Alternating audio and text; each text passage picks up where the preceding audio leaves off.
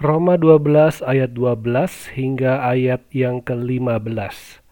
Bersukacitalah dalam pengharapan, sabarlah dalam kesesakan, dan bertekunlah dalam doa. Bantulah dalam kekurangan orang-orang kudus, dan usahakanlah dirimu untuk selalu memberikan tumpangan. Berkatilah siapa yang menganiaya kamu, berkatilah dan jangan mengutuk Bersukacitalah dengan orang yang bersukacita, dan menangislah dengan orang yang menangis. Kehidupan orang Kristen adalah kehidupan yang berbeda dari dunia ini.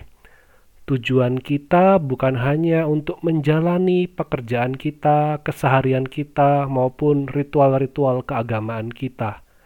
Di dalam Tuhan, kita punya tujuan yang berbeda dengan mereka yang berada di luar Tuhan Perbedaan inilah yang menjadikan perjuangan kita itu jauh lebih berat. Karena kita melakukan segala sesuatu di hadapan Tuhan. Kita melakukan di dalam kebenaran. Karena pusat hidup kita bukanlah untuk menyenangkan diri kita sendiri. Kita tidak berpusat pada diri kita, tetapi hidup kita kita tujukan untuk menyenangkan hati Tuhan. Untuk itu, kita harus punya landasan yang tepat, landasan yang kokoh sebagai dasar pemikiran dan tindakan kita hari lepas hari.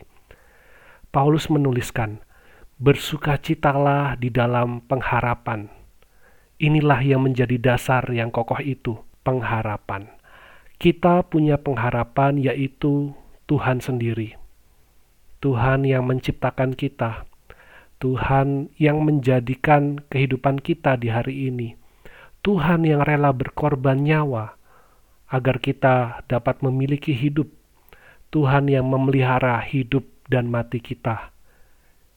Tuhan Yesus Kristus yang menjadi dasar pengharapan kita. Di dalam Kristus, pengharapan akan hidup yang kekal itu dijamin, dipastikan Inilah yang menjadi sukacita kita. Kita punya pengharapan sehingga kita bisa sabar di dalam segala kesesakan. Kita punya pengharapan sehingga kita tahu kepada siapa kita berseru dan berdoa, sehingga di dalam segala sesuatu kita tetap memiliki ketekunan untuk berdoa. Kita punya pengharapan sehingga kita dimampukan untuk dapat menolong orang lain kita punya pengharapan sehingga orang lain pun dapat melihat pengharapan itu di dalam kita melalui kita. Bahkan lebih dari itu, dengan pengharapan ada berkat mengalir dari dalam kita untuk orang-orang yang bermaksud jahat sekalipun terhadap kita. Paulus menuliskan, "Berkatilah siapa yang menganiaya kamu, dan jangan mengutuk karena pengharapan itu nyata, Tuhan menjadikan kita saluran berkat bagi siapa pun. Karena kita sudah diberkati, maka kita dimampukan untuk menjadi berkat. Yesus berkata bahwa kita adalah garam dunia dan terang dunia. Artinya, kehadiran kita harusnya memberi dampak yang baik, memberi rasa, memberikan kejelasan bagi sesama. Dan karena Yesus sang pengharapan itu ada di dalam kita dan kita ada di dalam dia, itulah yang membuat kita mampu menempatkan diri di mana pun berada, di dalam sukacita, di dalam duka cita, kehadiran kita punya makna yang berdampak bagi sesama kita. Inilah kehidupan di dalam pengharapan.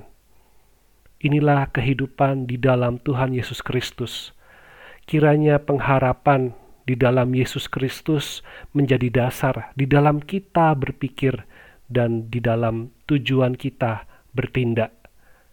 Bersukacitalah di dalam pengharapan, bersukacitalah di dalam Yesus Kristus. Selamat menjalani hari, selamat memberi dampak bagi sesama. Tuhan Yesus memberkati.